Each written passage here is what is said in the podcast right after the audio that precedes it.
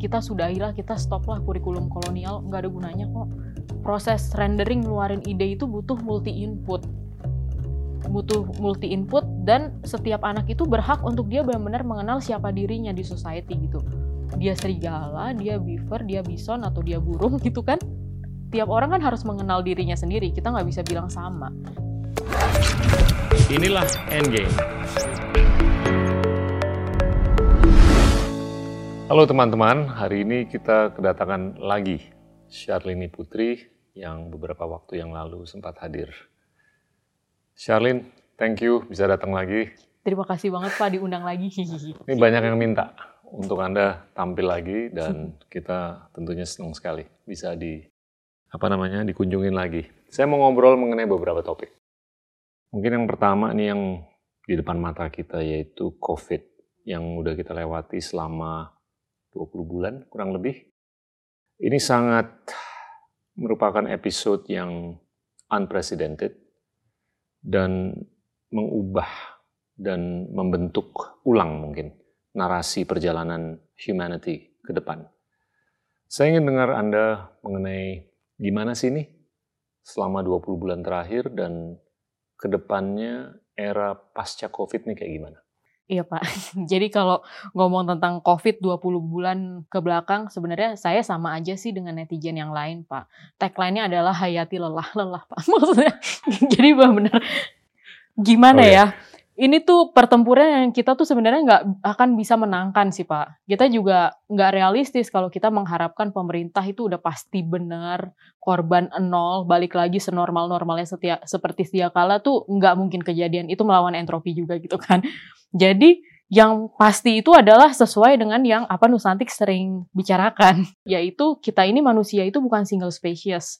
Ini bukan pertempuran antara kita melawan virus, tapi kita harus sadar diri kalau kita ini sebenarnya adalah holobion. Alias kita ini semesta sendiri, di mana setengah dari badan kita isinya bakteri, jamur, termasuk si virus itu sendiri. Jadi kalau kita mau uh, punya ekspektasi kalau virus ini tiba-tiba hilang gitu dari permukaan bumi, kayaknya nggak mungkin sih Pak ada juga virusnya makin mutasi, makin pinter, dan tubuh kita juga makin belajar gimana caranya untuk menghadapi virus ini. Mau itu alami dan di booster juga dengan vaksinasi seperti itu. Jadi ya ujung-ujungnya ini meninggalkan dilema yang banyak sih buat kita. Misalnya kayak uh, jadi COVID ini fungsinya apa ya?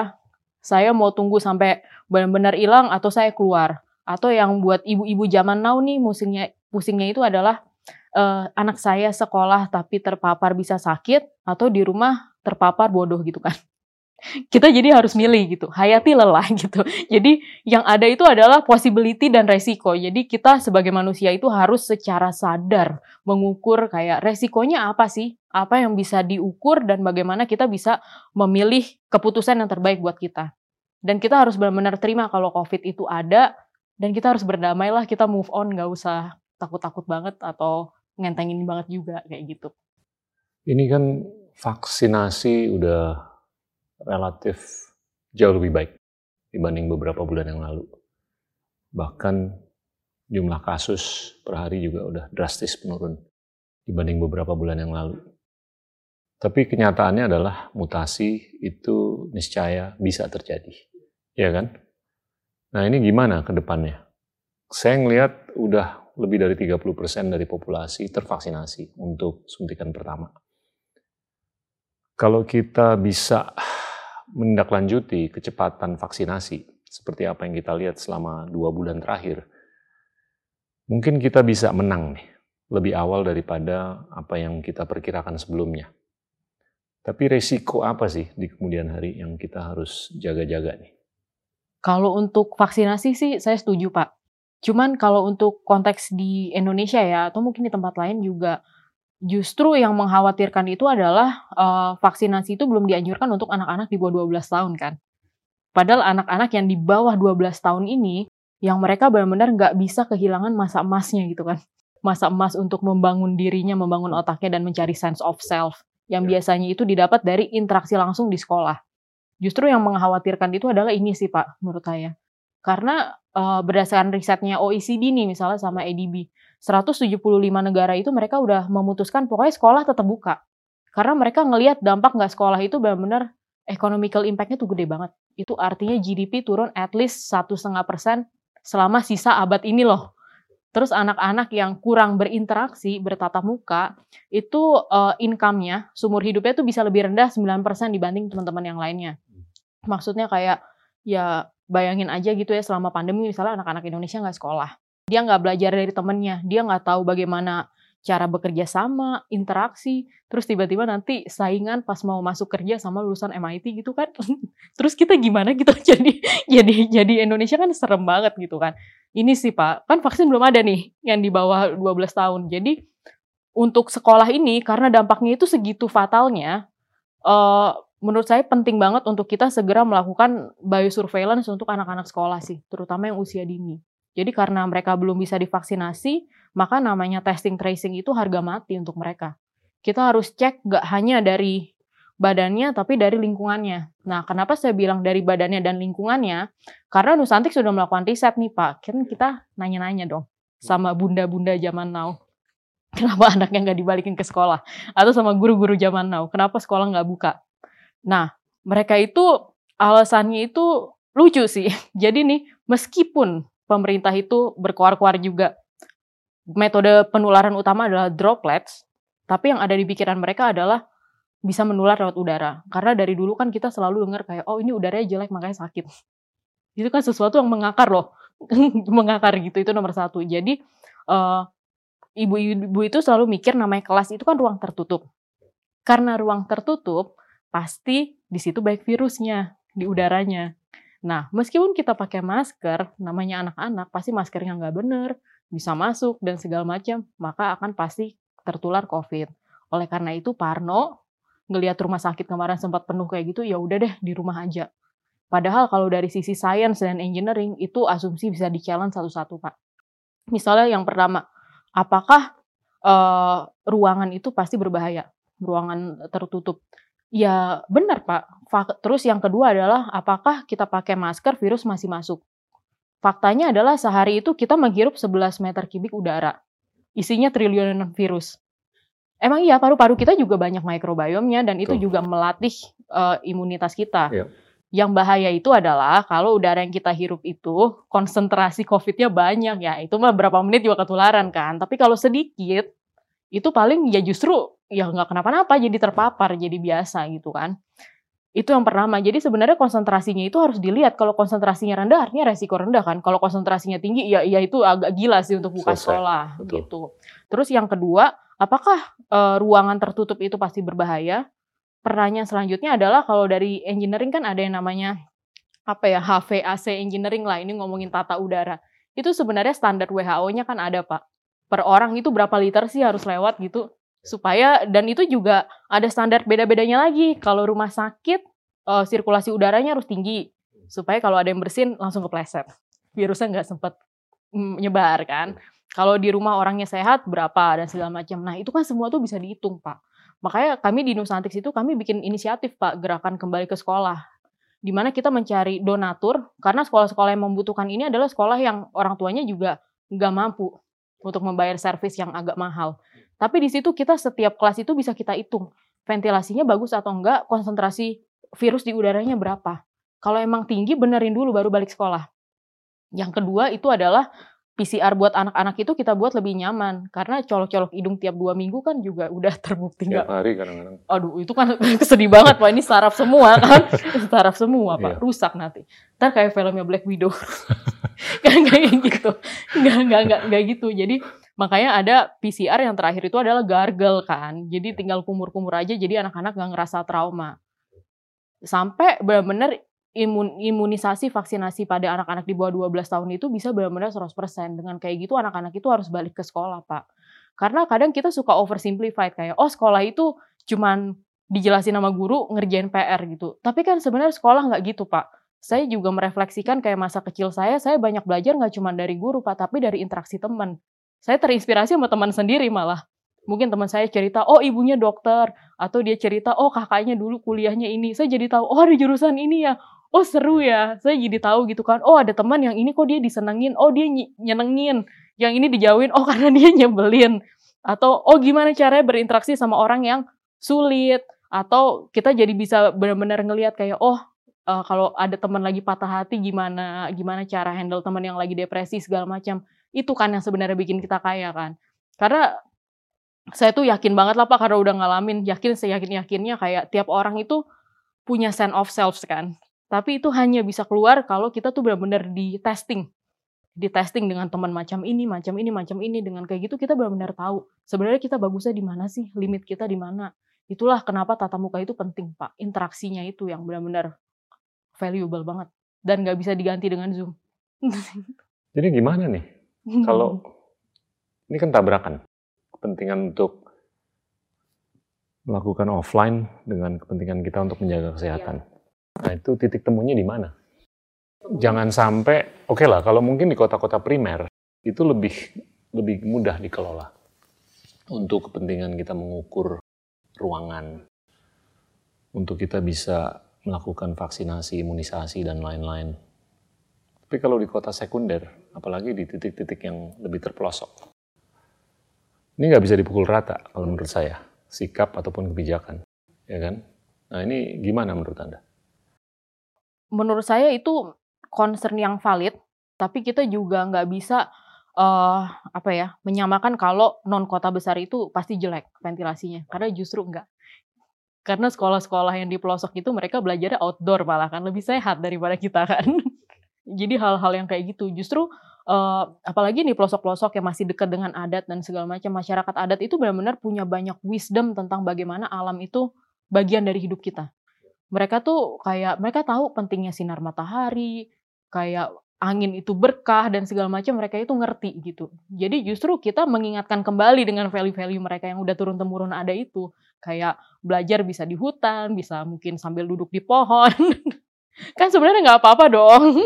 kayak di kampung-kampung kan kayak gitu pak. Zaman kita belum dipaksa semua pakai seragam merah putih dan sepatu bata kan dulu pas saya kecil kan yang di kampung-kampung kan ya mereka bisa duduk di balai-balai sambil belajar dan segala macam itu sih yang harus kita ingatkan lagi iya dan ini lain kan sama ibu-ibu zaman now yang pingin anaknya kurikulumnya Skandinavian gitu kan yang santai bebas tapi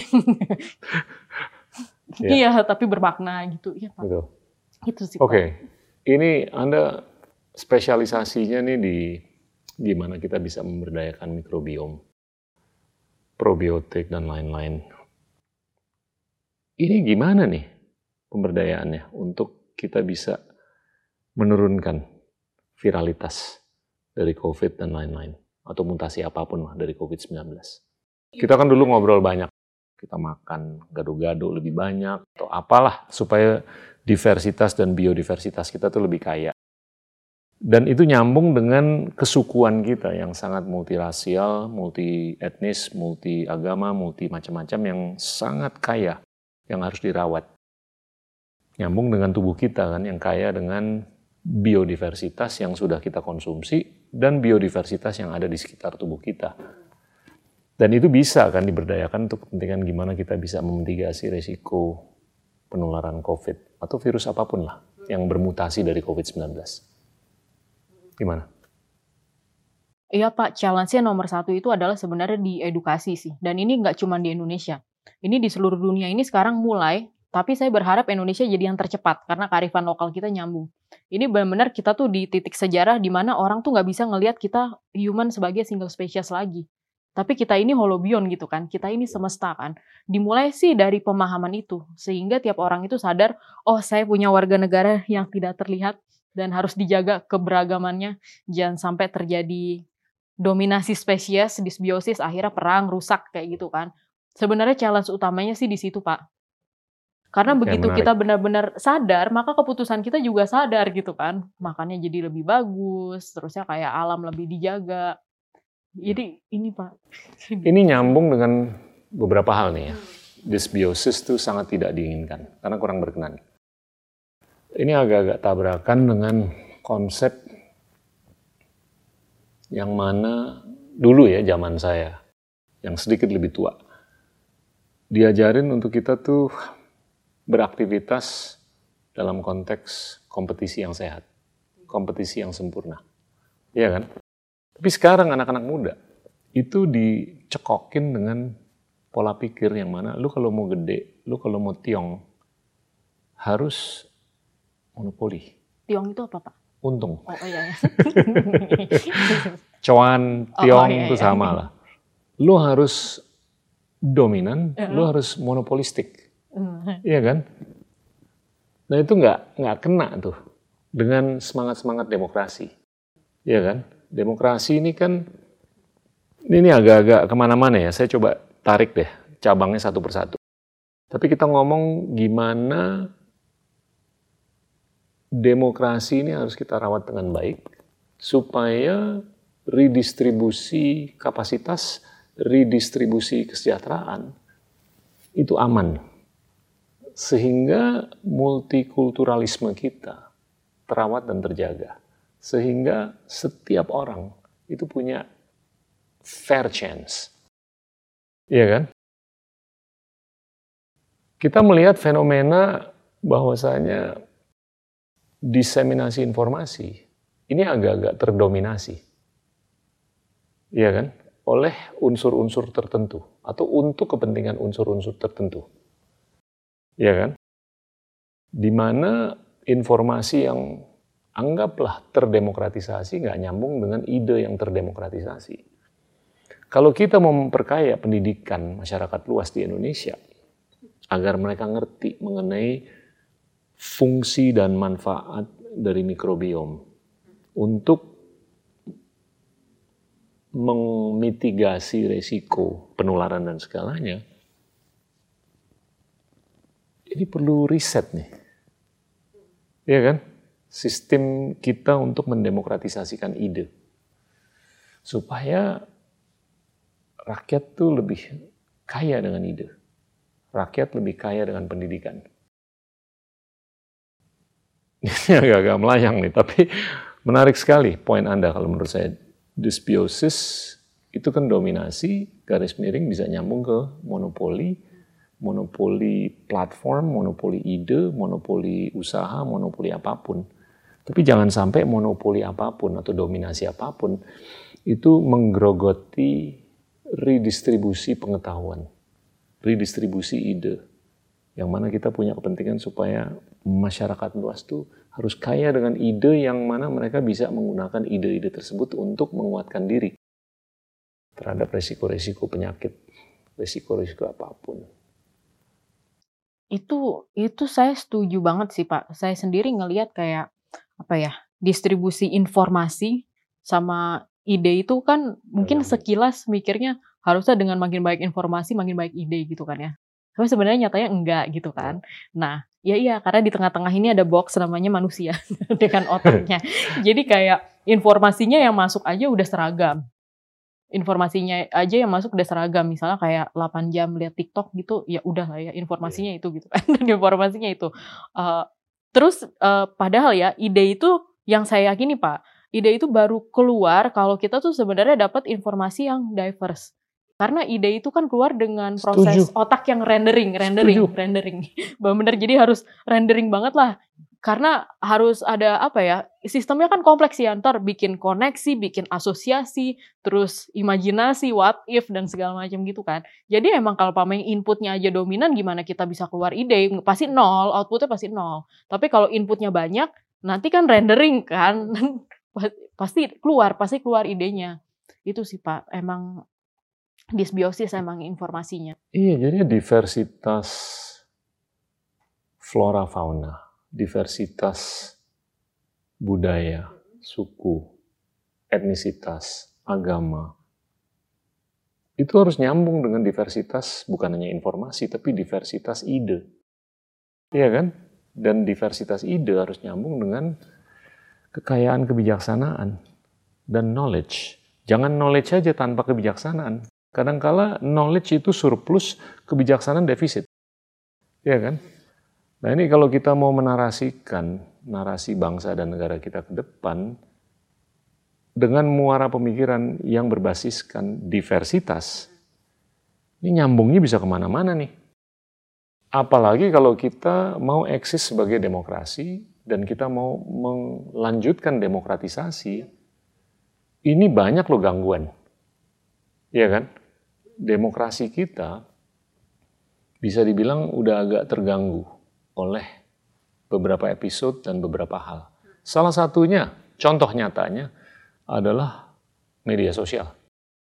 Ya kan? Yang mana asimetri informasi itu teramplifikasi dengan algoritma. Ya kan? Kita yang jadi mana, algoritma. Betul. Jadinya kita nggak bisa menyamakan kebebasan berbicara dengan amplifikasi algoritma. Itu salah parkir kalau menurut saya.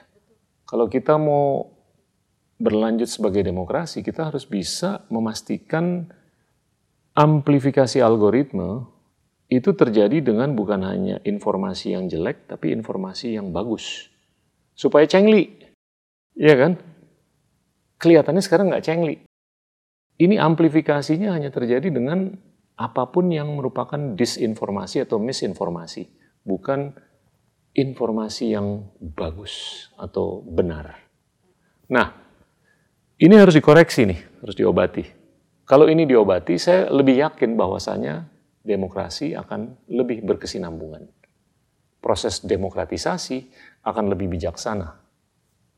Nah, kalau menurut Bapak, kenapa para pemegang kebijakan nggak melakukan sesuatu biar algoritma ini nggak terlalu membayang-bayangi kita? Mereka melakukan banyak hal untuk memitigasi risiko itu.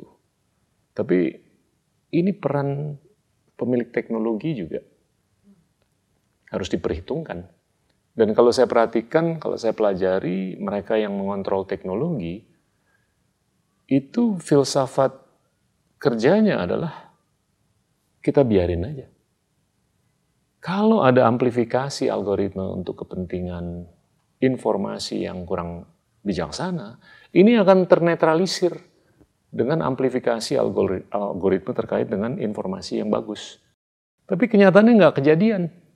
Yang ini lebih diem, tidak teramplifikasi. Ini yang terus teramplifikasi. Nah itu kalau menurut saya bukan karena ideologi, tapi karena kepentingan komersil. Iya kan? Bad news sells. Iya kan? Nah itu harus dikoreksi. Nah yang lebih mungkin disayangkan adalah kerangka regulasinya di negara-negara maju. Itu mereka kayak diem nonton aja. Bukan karena mereka terkooptasi secara ekonomis atau secara komersil, tapi mereka kayak nggak memahami dan kerangka regulasi yang ada itu dibangun di era mesin uap untuk kepentingan era digital. Jadi nggak nyambung kan? Iya. Secara kronologis yang ini dibuat ratusan tahun yang lalu atau puluhan tahun yang lalu, sedangkan era kita ini udah sangat berevolusi secara signifikan dari era itu. Ya itu lagi Pak, karena emang paradigmanya itu uh, kebanyakan orang-orang dulu, apalagi yang powerful ya, mereka ngelihat dia manusia sebagai single species, dunia itu kompetisi. Jadi dia kayak mencoba untuk kontrol gitu. Predator. Predator gitu. Dia iya. mencoba yeah. untuk kontrol. Jadi dia yeah. sangat amat pragmatis lah. Kayak trust harus dimonopoli gitu kan. Yeah. Makanya dan currency-nya itu adalah uang. Jadi ya udah apa pun lah supaya mencapai tujuannya gitu. Tapi sebenarnya di paradigma yang baru, kita bukan manusia, kita holobion gitu. Dan setengah dari badan kita itu adalah microbiome, dan microbiome itu tergantung sama lingkungan kita juga kan. Betul. Di situ harusnya kita sadar kalau kita itu sebenarnya saling terkait. Ya. Jadi mau kita mencoba kontrol, at what cost? Abis diversity yang lain. Begitu diversity-nya abis, ekosistemnya kolaps, terus kita mau gimana? Mau minta duit, mau dapetin duit dari mana lagi gitu loh Pak. Kalau dulu kan tambang digali misalnya air diambil semuanya ya udah jadi duit balik lagi ke dia gitu kan tapi ternyata yang diambil itu adalah sesuatu yang sangat berharga dari ekosistem kan kelak kita rusak rusak rusak terus nanti pas ekosistemnya kolaps kita mau ngambil apa lagi dari alam untuk dijadiin duit nggak ada lagi kan itu sih pak jadi saya sih berharap banget Indonesia itu bisa jadi narator untuk mengingatkan seluruh dunia kalau holobion, holobion bukan manusia lagi. Kita saling terkait. Jadi kalau pamannya polisinya adalah kayak terlalu kompetitif, kita menegasikan climate change, kita nggak mau peduli dengan kerusakan ekosistem dan lain-lain, ujung-ujungnya kita nggak akan punya rumah untuk hidup juga, terus mau gimana gitu. Kita ngobrol mengenai perubahan iklim. Ini ini topik yang sering kali saya suarakan. Saya tetap berpendapat belum cukup banyak masyarakat luas memahami topik dan substansinya. Ini kalau kita mengacu ke kesepakatan Paris, kita harus mengurangi emisi karbon sebanyak 50% di tahun 2030. 25% di tahun 2040, 25% terakhir di 2050. Kasarnya. Saya lebih yakin bahwasanya yang akan mensukseskan pencapaian ataupun capaian itu lebih teknologi daripada policy. Ya. Ya kan? Hmm. Policy mungkin agak ketinggalan dikarenakan tadi gap atau divergensi antara linearitas di private sector atau eksponensialitas di linear, di private sector dan linearitas di public sector. Ya kan? Tapi saya lebih confident atau yakin dengan pertumbuhan dan pergerakan teknologi yang bisa mengobati emisi karbon yang kurang sehat dengan energi terbarukan, temuan-temuan, apakah itu mobil listrik kayak solar energy kayak bahkan angin, hidro, bahkan kalau perlu nuklir untuk di scale up karena nuklir itu satu-satunya sumber energi yang sangat scalable. Dan itu bisa diamankan secara saintifik, ya kan? Memang ada beberapa episode yang tidak berkenan. Nah gimana menurut Anda perubahan iklim dalam konteks Indonesia dan dalam konteks dunia? Saya sih setuju banget sih Pak. Uh, tapi apakah teknologi itu jadi apa ya driver utama untuk mencegah climate change itu kalau dari saya sih agak nggak setuju pak soalnya ujung-ujungnya ya ini curhat kan uh. sebagai sebagai engineer engineer juga kayak banyak kok yang capable yang punya ide tentang oh teknologinya gimana ya biar mau mulai dari carbon capture storage lah mungkin ada electric vehicle dan segala macam opsi tuh banyak. Tapi apakah para pemegang duit ini berani untuk scale up ngambil keputusan tuh yang benar-benar radikal dan fundamental itu? Mereka kan ngikutin signal dari pasar pak. Nah signal dari pasar ini masyarakat in general itu nggak kebayang sih sebenarnya climate change itu apa. Itu sih yang maksud saya itu adalah nggak kebayang. Karena narasinya itu ceritanya nggak nyambung pak kalau ditanyain tentang climate change itu apa pasti orang kebanyakan ngertinya uh, musim hujan jadi musim panas, panas jadi hujan ya gitu. Gitu kan. Atau tiba-tiba jadi panas. Okay. Udah kayak gitu kan. Nah, padahal sebenarnya climate change ini kan uh, domino efeknya panjang, Pak. Dimulai dari temperaturnya naik. Terus nanti di kutub utara virus-virusnya mulai muncul yang dari zaman dulu. Ntar virusnya datang lagi ke manusia. Ntar ada pandemi lagi.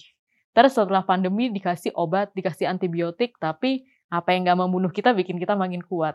Ada juga kita menternakan bakteri-bakteri yang resisten terhadap antibiotik dan obat kan. Pandemi lagi. Sampai akhirnya nggak ada obatnya. Terus akhirnya gimana? Mam, kita yang mati gitu kan. Ujungnya kita yang kita kita yang mati dan ekosistem rusak. Nah, ekosistem rusak itu bayangin nggak ada pohon, nggak ada air, terus kita mau hidup gimana gitu kan. Nah, cerita ini nih, apa dampak dari kenaikan suhu? sampai ujungnya kenapa itu balik lagi ke kita itu yang nggak dipahami sama masyarakat umum. Tapi saya yakin sebenarnya kalau ceritanya itu nyambung mereka pasti paham pak. Karena kalau pamannya film-film konspiratif atau alien gitu kan, atau kayak di Amazon tuh kayak Tomorrow War dan segala macam, nyambung kok. Ya, ya itu sih. Jadi kayak bahasanya mungkin kurang dramatis gitu Pak buat 62 dan dunia yang lain untuk ngelihat kalau climate change itu tuh benar-benar dampaknya tuh domino gitu. Sehingga men-trigger suatu kesadaran sehingga dari marketnya sendiri itu benar-benar nyari gitu loh. Ah udah deh saya mau mobil listrik aja misalnya gitu kan. Ah saya mau lihat nih ini energinya di uh, apartemen ini gimana nih? Kayak grade-nya A B C dan segala macam itu sih Pak. Jadi menurut saya teknologinya ini bakal ngikut Pak ini bisa terscale up dengan cepat asal emang uh, demand-nya ada dari pasar nah demand-nya ini yang benar-benar butuh storyteller sih Pak karena naratif climate change nggak ada yang pernah berhasil kan Pak dulu yang inconvenient truth ya. Habis itu diganti kan jadi yang polar bear yang sedih banget itu. Tapi ya udah gitu maksudnya. Iya. saya, saya saya cukup Saya tuh kalau ngelihat gelas setengah penuh. Nggak pernah setengah kosong. Mm. Dan mungkin gini, saya ngelihat perubahan iklim ini adalah topik atau subjek yang masih banyak nggak ngerti. Apalagi kalau kita berharap untuk politikus atau policy makers untuk memiliki isu ini, itu kayaknya masih agak-agak jauh. Ini, ini bukan bukan mau menggeneralisir ya, tapi itu observasi umum. Dan bahkan di negara maju, kalau saya lihat omongannya mereka, pola pikirnya mereka, nggak nyambung dengan apa yang harus dilakukan, ya kan? Lebih karena mereka nggak memahami. Nah, saya ngelihat perubahan iklim ini mungkin bisa dimulai dari civil society, ya kan? Eventually, ini akan ke policy making dan ke political process. Tapi gimana kita sebagai anggota dari civil society bisa mengubah pola pikir kita agar kita beranjak dari sikap dan sifat yang konsumtif menjadi regeneratif. Ya kan? Gimana kita bisa beranjak dari sifat dan sikap yang konsumtif menjadi sebagai warga. Jadi kita kasih lihat tanggung jawab terhadap planet kita, lingkungan kita, hutan kita, laut kita, dan lain-lain. Tapi ujung-ujungnya ini harus ada political ownership. Ya kan? Dan gimana supaya generasi mungkin sebagian dari milenial, tapi seluruh dari Z itu lebih mau take ownership mengenai isu ini. Tanpa political ownership, ini nggak akan terselesaikan. Setuju nggak? Saya setuju Pak, tapi susah emang bayanginnya. Hmm, karena gini Pak, kalau ditanyain, uh, saya sih yakin sebenarnya kuncinya itu adalah ada di kesadaran. Karena ketika setiap orang itu sadar akan fungsinya di dunia ini dan dampaknya di dunia ini, mereka akan mengambil keputusan dengan sadar juga. Cuman untuk menjadi sadar di Indonesia ini susah Pak. Ujung-ujungnya kita harus realistis karena duit terbatas. itu sih. Jadi yang pertama adalah apakah generasi Z itu punya kesadaran atau enggak? Banget Pak. Dibanding milenial sih, generasi Z sih, aduh keren lah Pak. Benar-benar udah anti plastik gitu kan. Mereka tuh benar-benar sadar gitu kan kayak uh, ibaratnya pakai skincare aja pingin lihat sustainable atau enggak, pakai batik aja dicari gitu kan. Oh ini karena sustainable fashion tuh udah jadi tren pak sekarang Wow, kan. oke. Itu tren gitu. Mereka tuh Saya ada kesadarannya, tapi kan mereka nggak ada uang pak. Kalau mereka ada duit dan segala macam, saya yakin emang mereka bakal beli tren-tren tuh yang sesuai dengan advokasinya mereka. Tapi kan untuk mereka menjadi advokat seperti itu sama aja. Generation Z kan baru lulus. Mereka pasti mikirnya adalah masuk kerja gimana buat diterima gitu kan atau yang membuat startup akhirnya mikirnya gimana untung dan segala macam kayak gitu nyari duit dapetin investor di Indonesia juga susah gitu kan gimana segala Iya. macam itu sih pak sebenarnya kayak terbentur terbentur itu pak beda cerita kalau beda cerita sama masyarakat adat yang udah harmoni dia butuh apa langsung ambil dari hutan nggak perlu ada duit gitu kan sebagai apa ya ya sebagai penengah Betul. mereka bisa barter dan segala macam. Nah di situ mereka tindakan itu udah benar-benar penuh kesadaran gitu kan. Kita kita ini nih orang kota yang terjebak dengan fiksi yang bernama uang. Tapi gini loh, kalau mungkin saya sampelnya agak beda. Kalau Oh. saya ngomong sama anak-anak muda, generasi Z. Kalau saya tanya, lu tahu nggak sih masih ada berapa karbon yang tersisakan di Oh planet pasti nggak tahu pak. Iya. Nggak, ini, ini mengarah ke urgensi. Iya. Iya kan? Ownership takingnya tuh seurgent apa? Kalau saya ceritain bahwa selama 4,6 miliar tahun terakhir, Mm-mm. itu sudah teremisikan 1.400 gigaton, setengahnya itu 700 gigaton, itu teremisikan hanya dalam tempo 170 tahun. Mm-mm. Dalam konteks 4,6 miliar tahun. Mm-mm. Dan setiap tahun kita mengemisikan kurang lebih 60 gigaton karbon. Dan kalau saya hitung, kalau saya baca, yang tersisakan tuh 2.000 sampai 3.000 gigaton. Jadi kita cuma punya 50-an tahun kan. Mm-mm. Nah kalau saya masih umur 18, saya mikir dong, gila, gue cuma bisa hidup sampai umur 68. Mm-mm. Gimana nih solusinya? Nah, mungkin itu bisa mengubah pola bukan hanya perilaku atau gaya Hmm. hidup, tapi untuk supaya lebih berskala, gue harus ke politik nih. Ya. Karena legislasinya harus ditentukan supaya ini menyeluruh. Ya. Iya kan? Itu political ownership taking. Dan kita nggak akan bisa bergeser dari consumerism ke regenerationism. Kita nggak akan bisa bergeser dari consumption to citizenship. Kalau nggak ada political ownership taking. Gimana tuh supaya anak-anak muda mau ikut dalam proses politik untuk mengubah dunia agar kita lebih lestari, lebih ramah lingkungan, lebih keren lah dalam jangka panjang. Iya kan? Berat, berat. Ini ini ini kerangkanya legislasi soalnya. Benar, benar Pak, benar Pak. Bukan gimana kita pilih sedotan yang bukan plastik. Iya, iya, iya. Betul Pak, betul. Iya kan? Eh, saya juga takut nih Pak. takut, takut, takut mengcounternya jadi pakai metafor aja. Eh, metafornya tuh sebenarnya gini Pak. Eh, kita ambil contoh apa yang pernah terjadi di Yellowstone National Park. Nah, oke. Jadi dulu nih pernah ada eh, pernah ada masa di mana di situ ada eh, itu kan sebenarnya habitat alami buat serigala. Pernah ada masa di mana serigalanya tuh tiba-tiba hilang. Serigalanya tuh hilang, nggak ada lagi di situ. Akibatnya rusanya itu jadi eh, populasinya jadi membludak. Nah, padahal dulu kan sebelumnya tuh benar-benar itu rumah dari serigala, ada bison, ada beaver, ada burung-burung gitu kan, ada rusanya juga gitu. Nah, setelah serigalanya ini hilang nih, predator atasnya, ya meskipun masih ada beruang sih ya, tapi tetap aja, terus rusanya itu jadi banyak pak. Begitu rusanya lagi jadi banyak itu benar-benar kayak tanaman-tanaman, rumput-rumput tuh pada habis semua. Begitu rumput-rumput pada habis, Selesai. eh, selesai. Itu benar-benar selesai. Dampaknya itu ke mana-mana. Dampaknya itu eh, beaver, ya apa ya bahasa Indonesia berang-berang ya, yang jadi maskotnya MIT itu, yang emang benar-benar ekosistem engineer itu, dia nggak bisa berkarir ya jadi engineer pak. Dia cuma bisa bertahan hidup aja, ngambil makanan seadanya. Habis itu ya udah. Habisnya ngapain? Dia bikin dam terus dirusak lagi sama rusanya kan? Kan rusa taunya cuma makan beranak kan gitu kan ya. Ya udah gitu. Jadi eh, rusanya nggak bisa ngapa-ngapain nih. Rusa, eh, beavernya nggak bisa ngapa-ngapain. Padahal dia engineer-nya. Padahal dia menjaga ekosistem gitu kan. Nah, terus akibat beavernya nggak bisa kerja nih, nggak ada engineer-nya ya udah kali jadi butek, terusnya jadi cetek, ada sedimentasi di mana-mana, ekosistem di apa di sungainya rusak, keruh gitu kan, ikan-ikannya nggak ada, sampai burung-burung aja kabur gitu kan pak. Padahal tinggal terbang itu aja kabur gitu kan, nggak mau di situ. Nah, terus tiba-tiba tahun 95 itu eh, serigalanya itu ngambil serigala di tempat lain di reintroduce lagi nih ke Yellowstone National Park kan. Nah terus tiba-tiba berubah.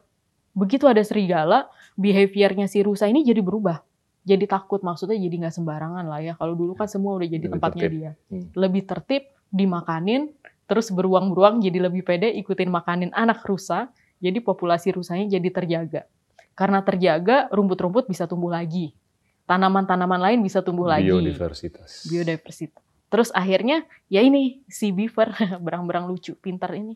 Dia bisa berkarya pak, engineer bisa berkarya, dia bisa bikin dam lagi. Akhirnya j- apa sungai jadi lebih jernih, airnya bisa jadi lebih jernih. Akhirnya terus tiba-tiba ekosistemnya jadi sehat lagi kan, sampai akhirnya burung-burungnya balik gitu kan. Udah kayak lagu Wow. sabda alam kan, gitu kan. Benar Wow. kan? Jadi menanggapi yang tadi kayak generation Z ini bukan rusanya, Pak. Iya. Rusa ini kayaknya menurut saya sih generation X Pak rusanya. Simple. Ya udah dia cuman cari kerja gitu kan, berkarir aman gitu buat ya udah punya anak kan ditanya punya anak berapa, rumah di mana itu rusanya sebenarnya ini. Kayak milenial sama Gen Z itu kita ada fungsinya sendiri Pak. Iya. Cuman kita nggak bisa eksis karena ekosistemnya nggak mendukung gimana dong? Iya. Nggak nggak mendukung gitu Dan maksudnya. mereka bukan serigala ya, Siapa generation? Z. Menurut saya sih bayi-bayi Dalam serigalanya sih ada ini, metafor menurut saya sih ada pak kan Z ini serigalanya siapa nih? eh, harusnya kan serigalanya itu ya orang-orang yang di atas ya yang benar-benar paling influential ya salah satunya itu adalah pemerintahnya kan Oke. kan karena gini karena dengan Ya. adanya serigala itu kayak kita nggak bisa bilang kayak pokoknya nggak bu- hidup tanpa predator nggak ada ceritanya sih Ya. di di apa ya di ekosistem itu semua itu punya peran sendiri gitu kan punya peran sendiri nggak bisa juga gitu kayak di Lion King tiba-tiba Simba jadi vegetarian kan nggak juga kan pak ya kan gitu kan nggak gitu ujung-ujungnya dia balik jadi raja hutan Iya. eh jadi raja hutan raja sap Iya. ya Lion King gitu kan Iya. ujung-ujungnya kan.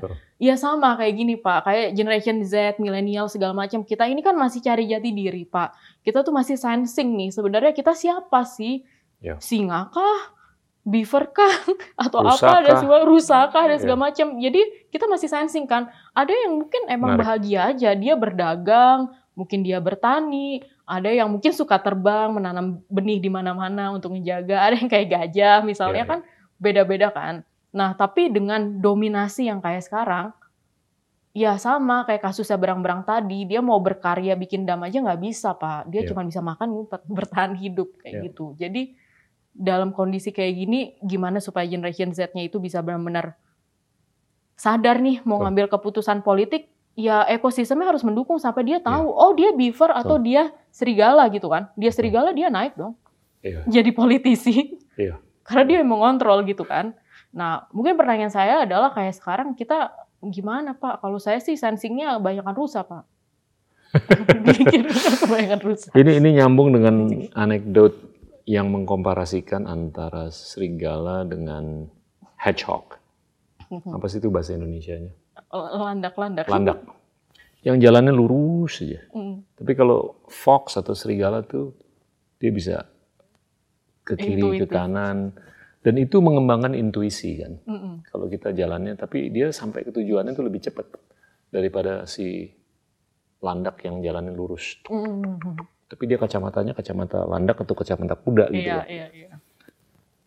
Saya setuju bahwasanya nation building ke depan tuh narasi nation building ke depan di mana pun ya itu perlu serigala. Iya.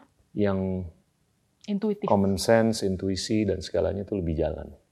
Supaya dia bisa memitigasi resiko yang lebih jangka panjang, Iya. ya kan? Kalau kacamatanya itu terlalu parokial atau cara pandang itu terlalu sempit atau parokial, Mhm.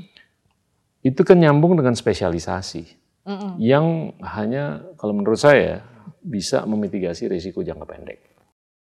Nah ini saya mau sambung nih dengan buku yang saya baca, judulnya Range, tulis Hmm. oleh David Epstein. Saya juga udah pernah baca. Nah menarik kan? Iya. Di mana siapa yang bisa menguasai wawasan yang lebih luas, itu dia bisa membantu untuk memitigasi risiko yang jangka panjang dibandingkan siapa yang hanya menguasai satu dimensi. Nah ini kan era sekarang nih era yang kaya dengan apa ya kecanduan dan kecenderungan untuk melakukan spesialisasi. Iya. Nah ini harus di counter. Bukan itu nggak boleh eksis, boleh aja. Tapi ini harus diimbangi lah dengan generalisasi. Supaya kita bisa ada serigala-serigala nih. Setuju? Saya setuju banget Pak. Dan kita harus sama-sama menitipkan pesan ini ke Bapak Mendikbud. Mendikbud karena eh, balik lagi Pak, kita tuh benar-benar harus kita sudahilah, kita stop lah kurikulum kolonial, nggak ada gunanya kok. Nggak ada gunanya. Apa sih kayak sekarang kebanyakan orang tua ya, anaknya lahir supaya hidupnya enak, eh, supaya nanti begitu udah lulus bisa nyicil rumah, nyicil mobil, cepat nikah, punya anak, berbahagia, kan itu kan konsep bahagianya Indonesia kan gitu kan. Maka harus kuliah di universitas yang bagus dengan jurusan yang eh, duitnya banyak. Makanya masuklah kayak akuntansi banyak, kayak finance banyak dan segala macam, dokter. Dari awal tuh udah diarahin Teknik. teknik udah Ya. diarahin gitu kan sama orang tuanya. Padahal kayak skill apa nih ngitung kayak akuntansi udah bisa di AI kan. Perhitungan engineering banyak yang sekarang toolsnya banyak online gitu Saya kan. dulu sekolah akuntansi lagi. Iya, Udah bahkan bisa di AI kan. ya udah bisa di AI kan gitu. Bahkan kayak sekarang dokter aja juga dibantu kan Pak sama biotech untuk melakukan re- precision diagnostic dan segala macam kayak gitu. Nah, eh, balik lagi seperti tadi proses rendering ngeluarin ide itu butuh multi input. Butuh multi input dan setiap anak itu berhak untuk dia benar-benar mengenal siapa dirinya di society gitu. Dia serigala, dia beaver, dia bison atau dia burung gitu kan tiap orang kan harus mengenal dirinya sendiri. Kita nggak bisa bilang sama. Tapi kan kurikulum sekolah kita itu digeneralisasi, Pak. dari Sabang sampai Merauke pelajaran matematiknya kayak gitu. Iya kan, pelajaran matematiknya kayak gitu. Sampai UAN aja dulu ada contekan gitu kan, supaya rata-ratanya naik gitu kan. Kayak ini diverse tapi kita di pipeline kan supaya keluarnya begini. Ya banyak yang nggak yang yang nggak apa ya nggak punya tempat pak. Banyak yang nggak punya tempat. Makanya kayak kurikulum itu tuh benar-benar harus dirombak sih pak terutama di usia dini. Jadi kayak indikatornya tuh lebih kepada bagaimana guru-guru itu bisa memfasilitasi dan membebaskan anak-anak untuk mencoba banyak hal sampai dia tuh tahu dia tuh sebenarnya spesialisasi utamanya di mana dan dia bisa ngeluarin ide renderingnya tuh jalan dan dia ngerti bagaimana supaya idenya itu bisa terrealisasi caranya gimana dari interaksi dari teamwork dan soft skill lainnya gitu saya tuh akhir-akhir ini sering uh -uh. bicara mengenai gimana kita harus mengambil sikap lebih mengenai guru kita tetap harus mengambil sikap mengenai kurikulum dan siswa dan siswi. Tapi guru, itu saya kalau pelajari di Korea Selatan itu yang dikasih kesempatan untuk ngajar, itu mereka yang lulus top 5% dari perguruan tinggi. Singapura 10-20% topnya. Hmm. Nah, ada studi yang menyatakan kalau seseorang tuh lulus top 20% dari perguruan tinggi, dia tuh bisa ngajar dalam setahun, ajaran yang mungkin selama satu setengah tahun. Tapi kalau dia di bottom 20%, dia dalam setahun cuma bisa ngajar setengah tahun ajaran.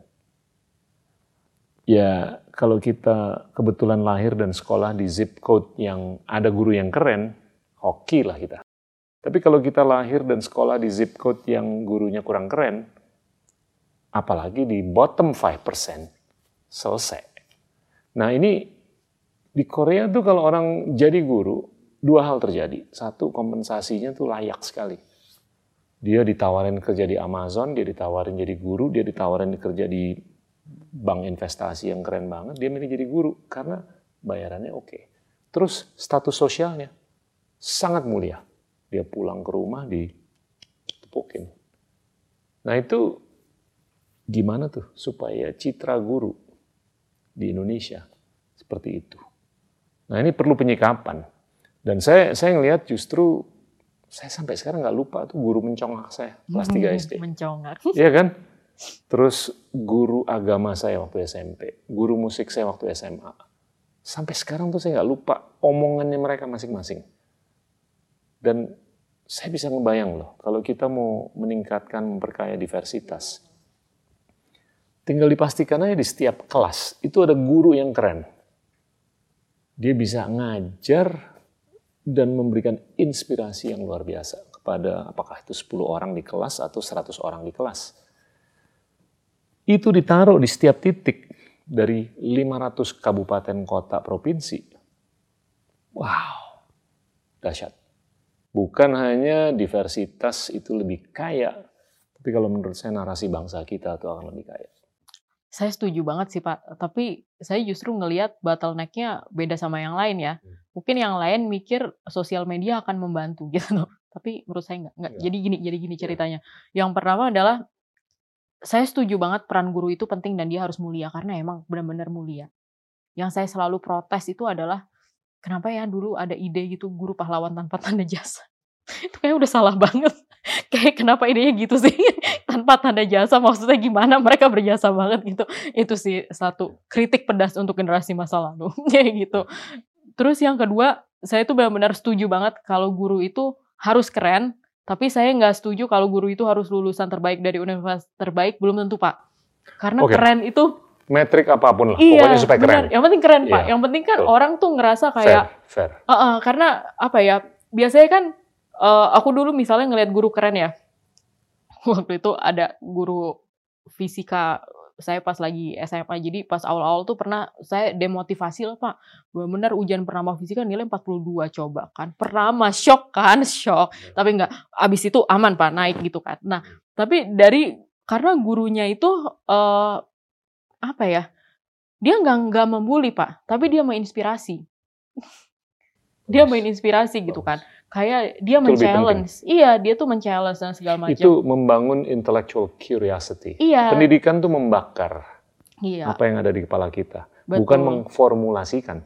Betul, betul. Yeah. Tapi jadi guru itu tuh berhasil dengan cara yang non fisikanya dia dan gak ngecilin, gak apa dan iya. segala macam untuk membuat saya jadi sadar gitu loh. Oh iya saya ngapain sih? Sehingga habis itu besok-besok nilai di atas 90 gitu kan. Tapi ya itu Pak, maksudnya kayak guru keren itu adalah ketika muridnya itu ngerasa dia bisa dihargai. Dia bisa menolong dirinya sendiri gitu kan. Dia bisa ngelihat dunia ini dengan penuh hope. Bukan dia dibandingkan sama yang lain, itu keren gitu. Dan saya yakin sih di Indonesia tuh sebenarnya banyak orang keren, tapi emang benar dia tidak terrekognisi dengan baik gitu kan. Jadi Matrixnya bakal seru tuh Pak untuk membuat apresiasi lebih buat guru-guru yang keren gitu kan, guru inspiratif gitu. Nah cuman di sini uh, yang susah itu adalah karena di tengah-tengah itu banyak distraksi Pak sekarang. Ntar ada nonton YouTube, ada TikTok, ada apa, ada segala macam sehingga inspirasinya muncul dari influencer gitu kan. Kalau misalnya noise ini nggak ada, anak-anak itu juga kan selalu saling ngobrol ya kayak, wah gue diajarin nih kemarin sama guru fisika ini gila gue jadi ngerti loh atau ngomong akhirnya ya kimia ternyata gitu maksudnya segala macam kan itu menular ya ntar oh di mana di mana kayak zaman saya dulu lah kayak teman saya bilang oh asik nih di bimbel ini gurunya luar biasa segala macam dia pindah gitu kan dulu distraksinya nggak banyak sebanyak sekarang kan Nah sekarang ini tuh ada distraksi di mana-mana. Padahal itu kan seru banget ya Pak ya, kayak zaman-zaman film kartun Jepang zaman saya gitu. Maksudnya mencari master tuh sampai ke mana pun dijabanin gitu kan, untuk belajar gitu kan. Itu Pak, itu distraksi di tengah-tengah, jadi... Menarik. Saya saya menunggulah kapan penyikapan untuk hal-hal seperti itu tuh dilakukan. Dan itu kalau menurut saya tuh akan membawa atau membuahkan titik infleksi untuk kepentingan kita lebih berpendidikan dengan berkualitas.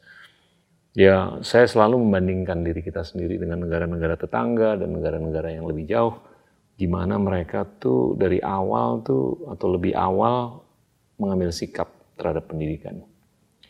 Ini mau ngobrol mengenai pendidikan, saya mau coba balik lagi ke pengetahuan imoterapi. Ya, uh,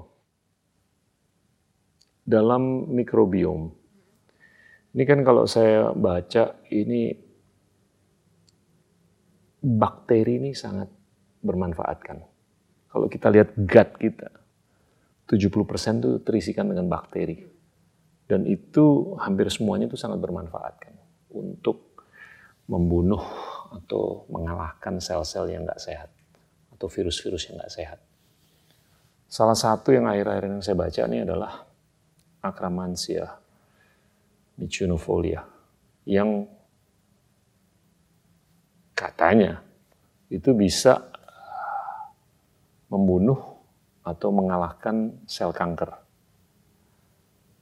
Nah itu gimana tuh pandangan Anda dan apakah itu perlu diperdalam ilmu atau pengetahuan ini supaya kita tuh ya akan semakin banyak orang kena kanker akhir-akhir ini. Dan ke depan juga itu niscayalah akan terus makin banyak. Iya Pak, ini sesuai banget dengan message saya yang tadi gitu kayak uh, di Nusantix kita kita ngomongnya kita tuh perusahaan holobion gitu kan. Nah ini sebenarnya apa yang terjadi di badan kita, badan-badan manusia modern ini kan disbiosis ya, mirip-mirip kayak di National Park tadi gitu. Tapi kalau di National Park tadi kan ibaratnya kalau kita ibaratkan uh, pembuluh darah itu kayak sungai di situ yang tiba-tiba kotor, butek dan segala macam karena beavernya nggak bisa kerja, karena nggak ada serigala dan kebanyakan rusa, hal sejenis itu bisa terjadi di perut kita juga. Karena tiap bakteri itu kan punya fungsi masing-masing. Kalau bakteri yang Bapak sebutkan tadi, itu juga, ini risetnya masih banyak ya Pak ya, tapi yang udah diketahui itu indikasinya adalah dia itu benar-benar berperan dalam menjaga lapisan usus. Karena kalau lapisan ususnya itu intact, maka bakteri yang lainnya bisa hidup di situ. Diversity-nya jadi banyak. Begitu diversity-nya banyak dan dia dalam kondisi seimbang, jadi kayak patogen non patogennya imbang, bukan patogen yang kebanyakan, ya uh, res, apa ya imunitasnya itu spektrumnya kan jadi lebih kompleks. Nah, karena lebih kompleks, semua menjalankan perannya, maka emang resiko-resiko penyakit itu dia menurun gitu kan. Misalnya kayak bakteri tadi itu dia diasosiasikan dengan kalau ada kalau nggak ada bakteri itu dia lebih rentan ke inflammatory bowel disease, obesitas dan segala macam. Tapi begitu ada bakteri itu ya diversity-nya jadi berubah terus jadi indikasinya dia lebih nggak rentan terhadap penyakit-penyakit tersebut gitu. Jadi emang sekali lagi emang penting banget kita harus sudahi pemahaman kalau manusia itu adalah single species yang paling benar lagi.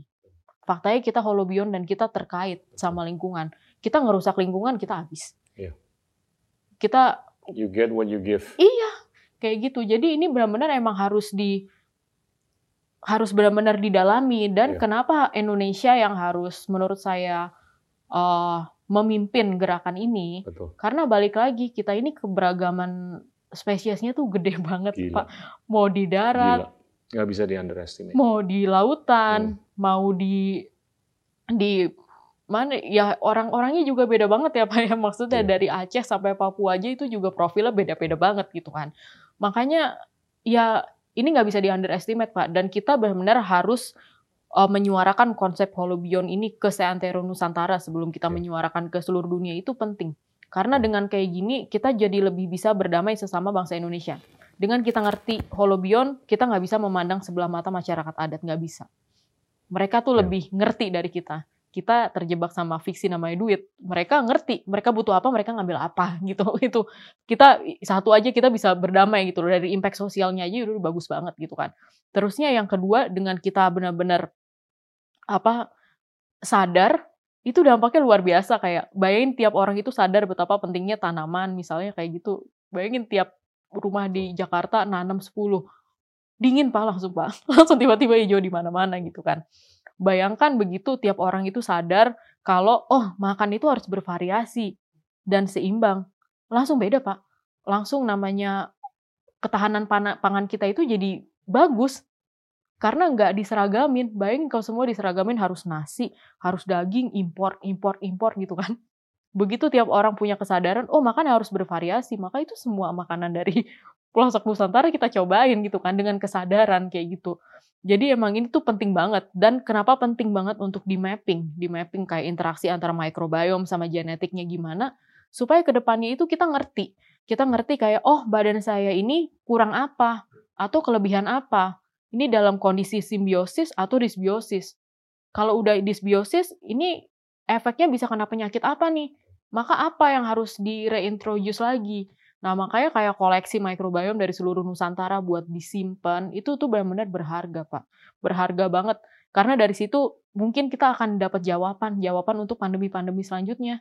Jawaban tentang imun sistem tuh apa, apalagi nanti pandemi antibiotik resisten bakteria, kayak gitu. Gitu, Pak. Jadi ini emang itu penting banget. Jadi kita harus holobion. Konkretnya untuk orang awam Konkretnya supaya itu sehat selain makan gado-gado makan apa makan apa? supaya sehat? Ya, kalau sekarang sih, kalau Supaya solusi modern ya. Diversitas bakteria bakteri di dalam tubuhnya tuh semakin oke, semakin kita bisa sehat. Kombinasi prebiotik, probiotik, postbiotik. Tuh. Dan tiga komponen ini kan ada yang solusi mo- modernnya nih, kayak minum kapsul-kapsul segala macam. Ada juga yang naturalnya. Yang natural apa? Iya semua makanan ada pak, semua makanan. Misalnya kayak di tomat, tomat itu probiotiknya ada, prebiotiknya ada, komplit sebenarnya.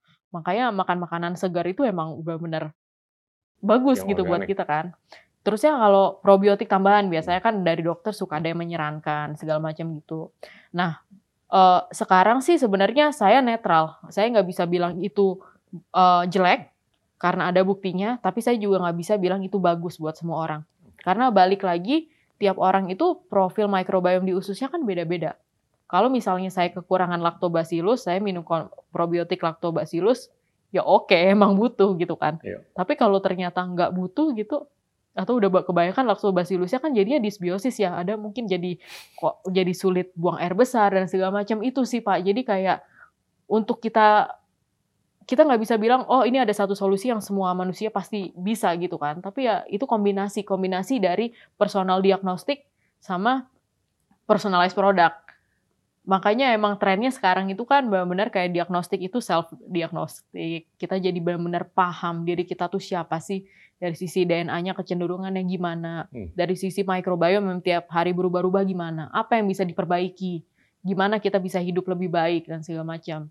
Dan ini ke depannya tuh bisa jadi universal index yang benar-benar jadi apa ya? Indeks ini bisa membuat eh, game antara misalnya perusahaan asuransi dan pemerintah jadi lebih fair. Oh iya. Iya dong Pak, karena kan dengan saya tahu nih misalnya, oh uh, misalnya gini, saya tinggal di Jakarta, microbiome saya disbiosis nih, karena kena polusi, karena kena logam berat, pencemaran tanah dan Menarik. segala macam gitu.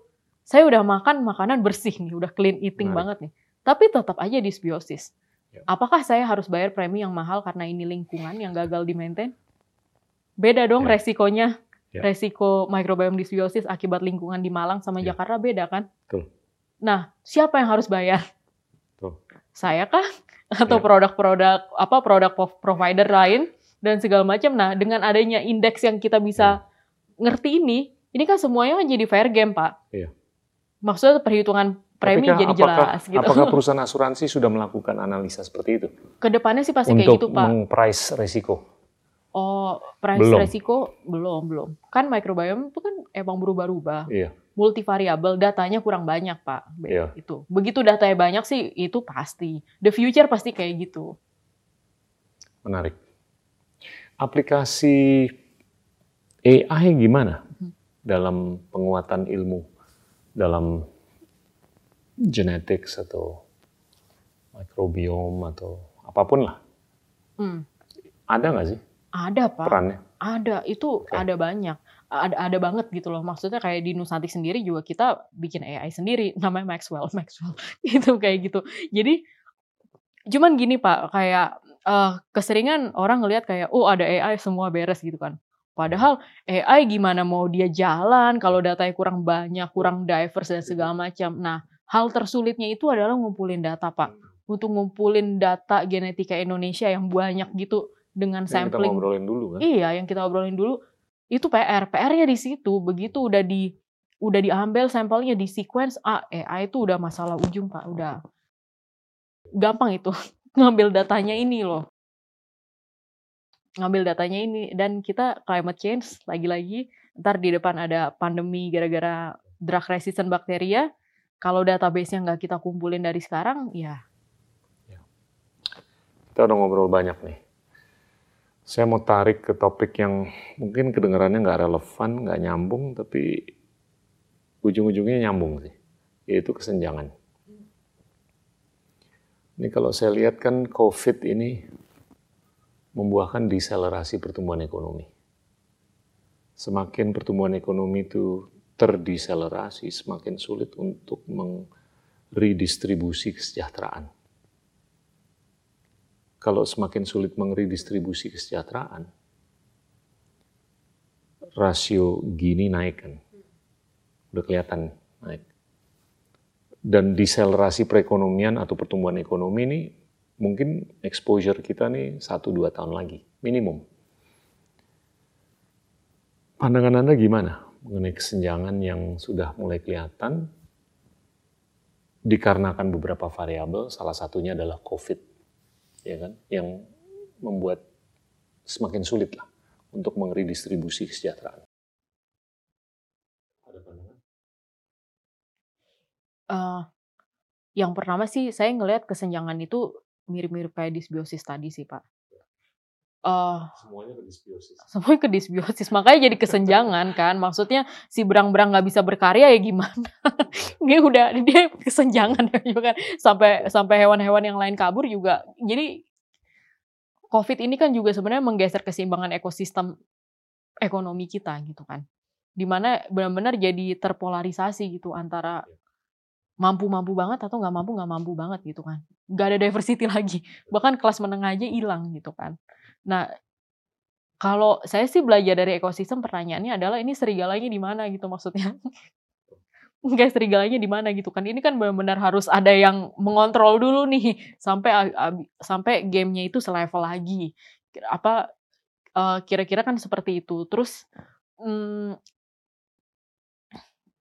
apalagi ya sama sama ini sih pak kalau Pak Mayung ngomongin tentang eh distribusi redistribusi gitu eh yang saya nggak ngerti yang kayak bapak yang lebih ngerti itu adalah gini pak gini pak Eh butuh uang pak butuh uang Iya. untuk memulai kegiatan nih dan segala Waduh. macam kayak gitu Ini gimana bisa panjang nih. bisa panjang pak maksudnya aduh saya juga bingung pak terus sekarang kan benar-benar kalau pamai kita mau ngambil titik ekstrim, ini ada yang cadangannya masih banyak, masih bisa hidup. Dia mau pandemi lima tahun lagi bisa.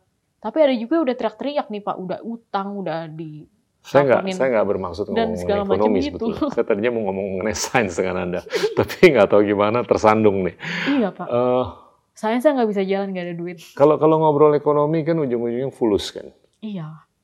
Kalau saya beberapa kali ngomong rasio uang beredar terhadap PDB itu masih di bawah 50% di Indonesia. Sedangkan rasio uang beredar di negara-negara maju, termasuk di Singapura itu 125% ke atas. Kalau mau bicara mengenai pemulihan ekonomi, ya fulusnya harus ada kan.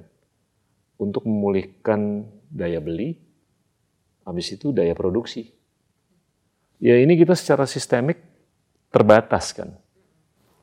Dan kalau uang beredarnya terbatas, ya itu bisa di, di- bisa diobati dengan dua cara. Satu, mendatangkan modal dari luar, namanya foreign direct investment. Atau ngutang aja, ngutang dari luar, ngutang dari diri sendiri, ya kan? Tinggal pilih aja, either ini atau itu atau kombinasi, dua-duanya. Nah ini kan ironinya adalah di luar negeri ini, khususnya di negara-negara maju, uang ini lagi banyak banget.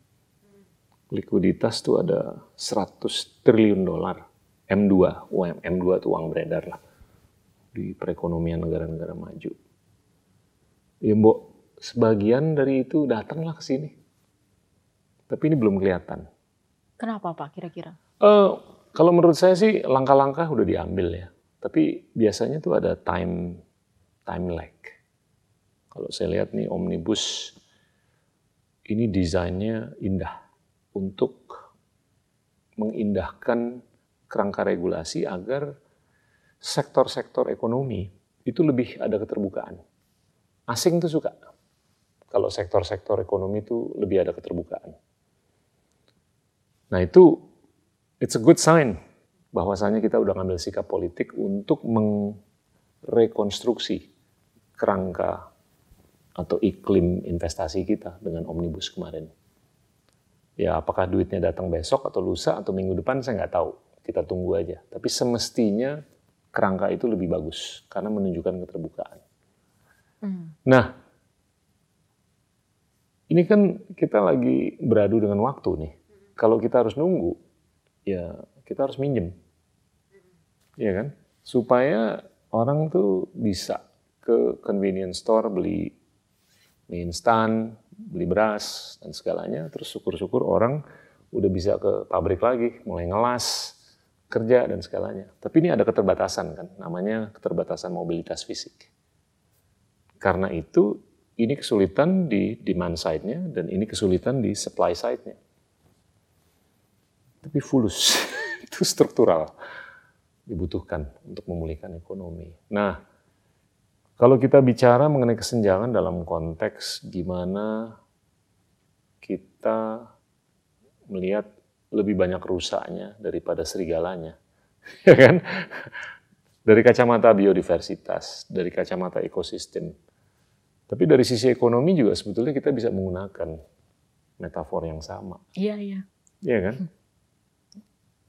Tapi kalau menurut saya yang paling struktural itu adalah gimana kita bisa membuahkan uang lebih banyak. Agar uang itu terdemokratisasi. Nah, ini nyambung lagi balik Nah. lagi sama sains dan teknologi tadi, Pak.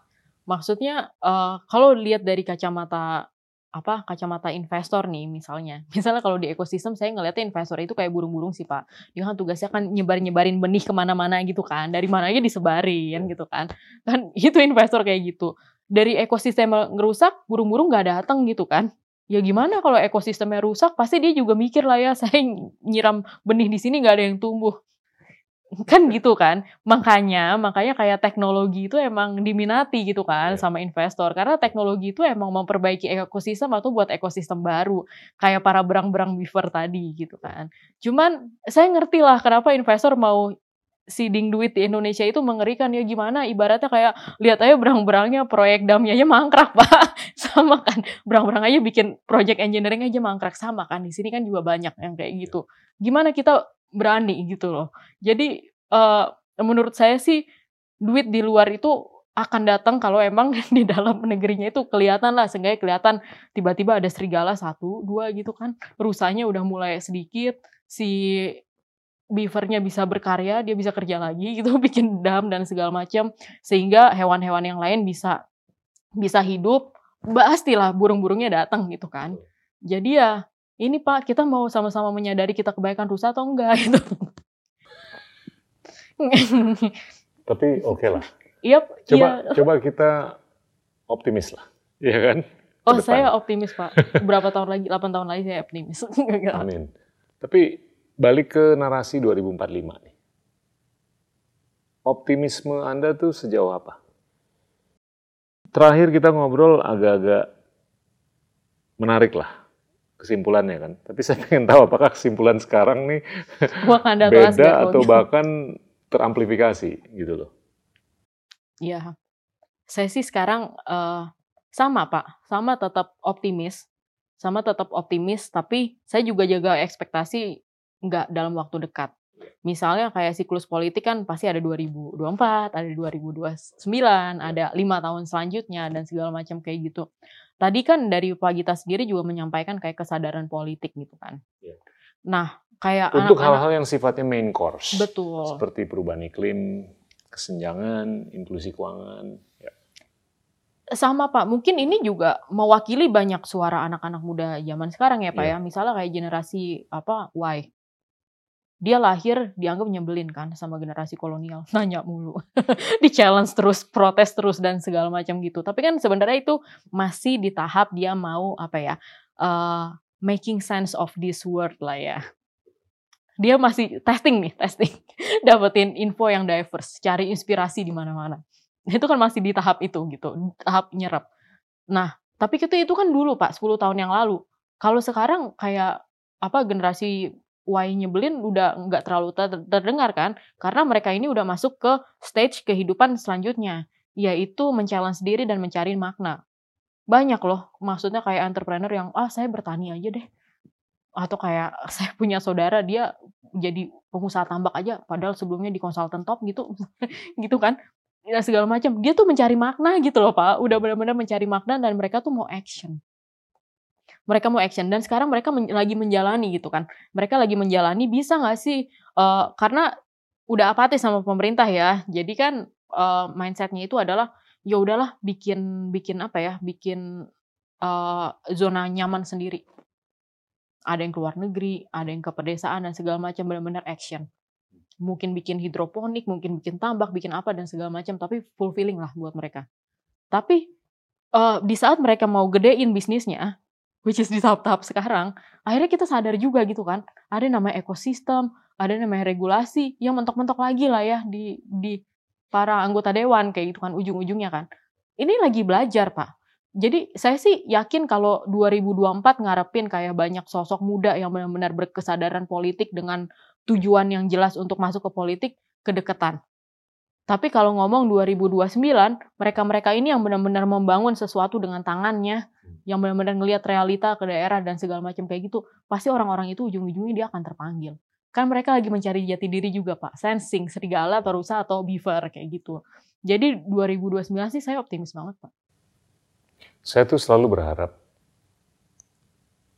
di proses politik itu terjadi encouragement of talent secara sistemik dan sistematis.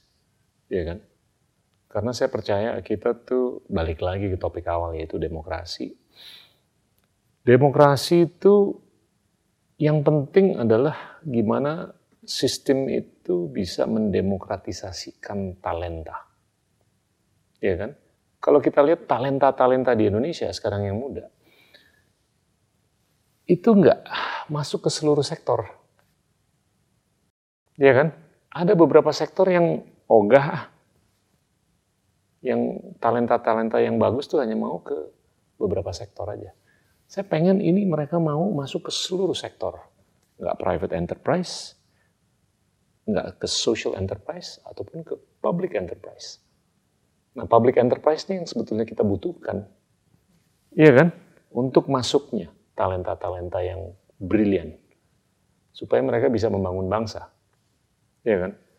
Nah, saya percaya itu akan terjadi. Lebih banyak, bukan belum terjadi. Saya akan terjadi, saya percaya akan lebih terjadi ke depan. Nah, itu mungkin mulai dengan isu-isu yang sifatnya main course. Bukan appetizer, bukan dessert kalau ada anak muda umur 20-an dia gila nih perubahan iklim. Dan dia tiba-tiba nyetrum gitu loh. Lagi ngelamun atau lagi tidur, lagi ngobrol sama temennya atau anggota keluarganya. Mau gak mau gue harus ngambil posisi politik. Supaya masyarakat luas mau ikut. Ya kan? Nah, kalau orang masuk ke proses politik seperti itu, itu dikarenakan dia mau jadi crusader. Bukan nyari vokasi. Iya kan? Itu keren tuh proses politik seperti itu.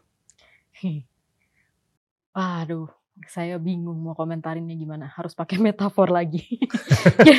Monggo, silakan. iya Pak, jadi ini tadinya nggak ada niat lah mau ngomong politik, tapi ya, iya, tapi, tapi kita mau ngomong yang lebih inilah makro. Ya iya kan? Pak, jadi gini sih, saya sih yakin tuh sebenarnya kayak keinginan itu ada. Ada di banyak hati anak-anak muda itu ada. Tapi kan balik lagi mereka pragmatis kan. Pragmatisnya itu adalah karena signal-signal yang ditangkap. Mungkin yang pertama adalah nggak ada duitnya, ntar mau nikah kapan, ntar orang tua kecewa dan segala macam. Di mana ini sebenarnya ya perlahan mulai berkurang lah. Makin ke sini ini kan orang tua itu makin mendukung anaknya kayak gitu. Tapi ada yang kedua nih Pak, apakah bersuara dengan lantang kayak gitu aman? ini juga signal yang saya tuh nggak tahu, saya juga sebenarnya nggak tahu ya, apakah bersuara protes keras gitu itu sekarang aman atau enggak. Tapi signalnya banyak orang kan dari obrolan teman-teman itu adalah ah enggak, ah enggak, serem serem serem gitu kan. Maksudnya bercandanya adalah, ya sih, gue tahu ini salah, gue tahu ini harus ngomong gitu, tapi gue nggak mau ntar dikirimin tukang bakso depan rumah, nah kan gitu kan bercandanya kan gitu. Tapi ini real gitu loh pak, jadi yeah, yeah. secara emosi itu nggak merasa safe. Betul. Karena yang saya lihat juga adalah kenapa sampai nggak ngerasa safe gitu ya ya balik lagi ya kayak rusa jadi lebih tahu diri karena ada uh, si serigala. Jadi dia behaviornya berubah. Karena ada serigala juga beaver ya ya udah dia juga ya ke mana-mana. Meskipun juga dia bisa dimakan tapi dia bisa berkarya kayak gitu kan. Ya ini pak jadi kayak ngerasa nggak safe untuk mengutarakan pendapatnya seperti itu. Karena mungkin Indonesia itu punya sejarah di sebelum-sebelumnya di mana kadang uh, ya ibaratnya kalau microbiome tuh dikit-dikit dikasih antibiotik lah pak ya. Jadi menimbulkan kayak bakteri yang resisten gitu kan. Karena bayangin kalau misalnya sakitnya sedikit sebenarnya imun sistem kita itu juga bisa gitu kan untuk menyembuhkan diri sendiri gitu. Tapi karena prediktif takut sakit banget gitu akhirnya dikasih antibiotik terus dibunuh sampai baik-baiknya dibunuh. Tapi kan kayak what doesn't kill you make you stronger ya, ya. Akhirnya ada yang resisten gitu kan. Ada exposure Iya kan, akhirnya kan ada. Resistance. Iya, akhirnya kan kayak gitu. Nah, ya begitu juga dengan apa dengan orang-orang sih, karena untuk protes itu kan di Indonesia susah pak protes pak. Lihat aja misalnya kayak di Twitter lah yang protes itu itu aja kok ya akunnya kan kan beda banget misalnya sama di negara lain kayak di US gitu suaranya bisa lebih diverse iya. karena di sini ibaratnya ibaratnya gimana ya kalau kita belajar dari menghindari ada antibiotik resisten dan segala macam kuncinya hikmahnya itu adalah kita harus uh, mentreat sesuatu sewajarnya. Sewajarnya. Jadi maksudnya nih, kalau suatu saat ada anak muda dia habis nonton drama Korea Netflix yang Crash Landing on Squid You. Games. Enggak, Crash Landing on You, Pak. Tiba-tiba dia suka ngelihat wah gila cowok-cowok Korea Utara oke okay juga gitu kan. Terus dianggap itu sebagai message mengerikan karena Korea Utara kan gimana ya, Pak ya? Masa kalau dia suka drakor dikirim tukang bakso kan berlebihan gitu kan maksudnya. Jadi kita tuh harus bisa mendetek mana yang emang ancaman real nih, udah gawat disbiosis harus mana ya ya udahlah bagian dari diversity itu sih, Pak nggak nggak nyaman pak Emo, emotionally nggak safe untuk mengeluarkan pendapat di dalam hati ada ada banget tapi ya tadi the, the moral of the story adalah kita kalau mau berdemokrasi kita harus tegaskan dan tekankan Iya. semangat biodiversitas dan diversitas. Betul, Dalam betul. konteks apa pun, Betul, betul. ya kan? Betul, betul. Saya sih, saya nggak melihat demokrasi itu artinya semua suara harus didengar dan diakomodasi. Iya. Saya nggak ngelihat kayak gitu. Saya lebih ngelihat demokratisasi itu artinya kita menghargai diversity, bineka tunggal ika, di mana masing-masing spesies itu dia punya hak untuk menjadi dirinya sendiri, true self-nya, dan untuk menjalankan fungsinya. Sebenarnya lebih ke arah situ, menjalankan fungsinya supaya ujung-ujungnya apa? Ekosistemnya utuh. Balik lagi bineka tunggal ika gitu. Itu benar-benar mau di biologi level gede, mau di mikrobiologi sama. Itu semua bineka tunggal ika itu sih Pak. Karena kayak sekarang kan apa ya secara nggak sadar kalau bercandaan orang-orang misalnya jangan terlalu demokratis lah artinya apa jangan terlalu dengerin orang padahal kan nggak gitu ya kayak suara itu kata-kata gitu yang keluar dari lidah itu banyak noise-nya juga ujung-ujungnya kita harus yang kita lihat itu adalah bukan suaranya tapi functionnya. Ini beavernya jadi beaver jadi engineer enggak atau beavernya mau jadi burung? Kan susah kan kalau kayak gitu kan? Ya maksudnya itu pak sesuai fungsi gitu. Atau misalnya kayak ini ada rusa nih gede dan segala macam sok-sokan kayak serigala. Susah juga ekosistemnya hancur kan? Itu sih pak. Jadi lebih ke sesuai function lah. Kita tahu peran kita apa kita ngejalanin peran itu. Itu demokrasi sih. Kita menghargai banyak peran bukan artinya kita ngedengerin semua orang gitu Saya sih optimis. Serigalanya udah ada. Tapi kita berharap ada banyak akan, berapa pak akan lebih banyak. nggak ada berapa jangan kebanyakan jangan kedikitan Cukup banyak untuk bisa meng-rebalance ekosistem. Thank you banget loh, Charlene. thank you banget Seru pak banget. Fascinating, as always. makasih pak Teman-teman, itulah Charlene Putri, founder dari Nusantex. Terima kasih. Inilah Endgame.